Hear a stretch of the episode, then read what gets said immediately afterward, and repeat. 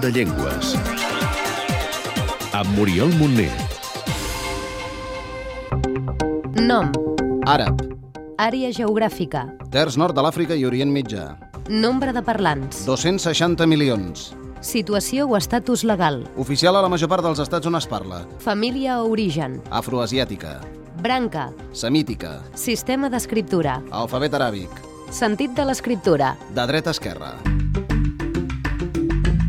L'àrab és la més arcaica de les llengües semítiques que encara es parlen. És un idioma amb una enorme quantitat de parlants i compartit en desenes d'estats del món.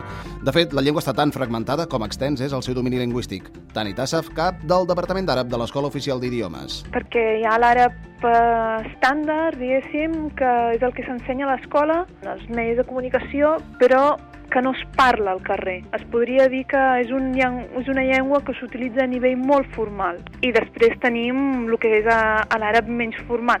Tot i que existeix aquest àrab formal comú en l'àmbit informal, molts parlants de països distants no s'entenen entre ells. L'àrab és una llengua que endevora de veïnes minoritàries, amb la força que li dona anar a cavall de la religió islàmica. Té una infinitat de dialectes, però a grans trets es pot parlar dels occidentals o del Magreb, que vol dir lloc per on es pon el sol, i dels orientals o del Masric, que vol dir lloc per on surt el sol.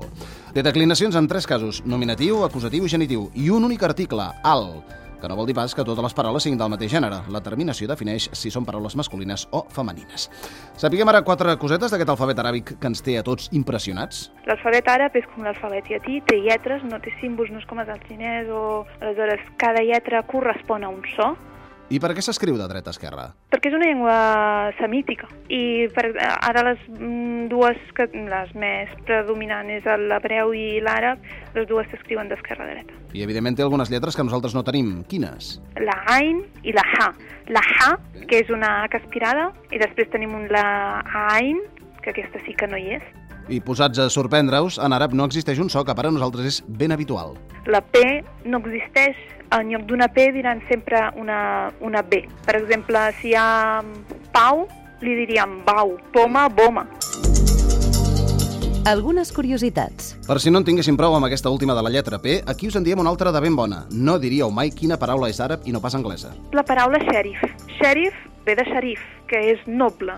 Segur que ens deixarem milers d'exemples de paraules vingudes de l'àrab, però aquí en teniu una altra. Amb El zero, que és suefer, suefer també dona la paraula xifra. I algunes més. Hi ha molta toponímia, com calaf o calafell, són noms propis àrabs. Borges Blanques, Borj és torre, a les Illes Balears, Benimalà, Benibeca, tot això són noms àrabs també. Ben és fida, No us estranyeu si algú us diu fetge per anomenar-vos carinyosament. I és que els àrabs ja saben que el fetge és un òrgan molt important. Per dir carinyo poden utilitzar la paraula fetge, kibdi, o pot dir burni, que vol dir enterra'm. déu nhi I si abans parlàvem de paraules de l'àrab al català, ara us n'acostem una que sona igual, però que en català vol dir una cosa i en àrab una altra. Cadira, que és cursi, Quatre pinzellades de la llengua. Bé, ara que ja sabem tantes coincidències entre català i àrab, aprenguem quatre cosetes de la llengua. Com es diu àrab en àrab? اللغة العربية Segur que molts ja sabeu com se saluden els àrabs. السلام عليكم Ho sabíeu, oi? I com diuen bon dia? صباح الخير I bona nit? ليلة سعيدة وتصبح على خير I adeu. مع السلامة Si us plau, من فضلك encara que pugui sonar cadira, t'estimo, es diu així. حبيبي أو بحبك Doncs moltes gràcies. شكرا De res. عفوا Vull aprendre àrab. أريد أن أتعلم اللغة العربية Doncs aprenem el sí i el no. نعم لا I els números de l'1 al 10. واحد اثنان ثلاثة أربعة خمسة ستة سبعة ثمانية تسعة عشرة I ara que ens escoltin en àrab. Escolteu el programa Do de Llengües cada setmana a Catalunya Informació. استمعوا إلى برنامج ضد ينغواس كل أسبوع في كاتالونيا انفورماسيون Per saber-ne més, Podeu saber més coses sobre l'àrab i les diverses llengües del món als webs linguamon.cat, etnolog.com, gela.cat, linguislis.org o omniglot.com. Cada cop que desapareix una llengua, perdem una manera d'entendre el món, una manera de viure'l i de descriure'l. Cada cop que desapareix una llengua, ens fem més pobres, més homogenis i perdem una oportunitat d'enriquir-nos amb l'aportació de l'altre.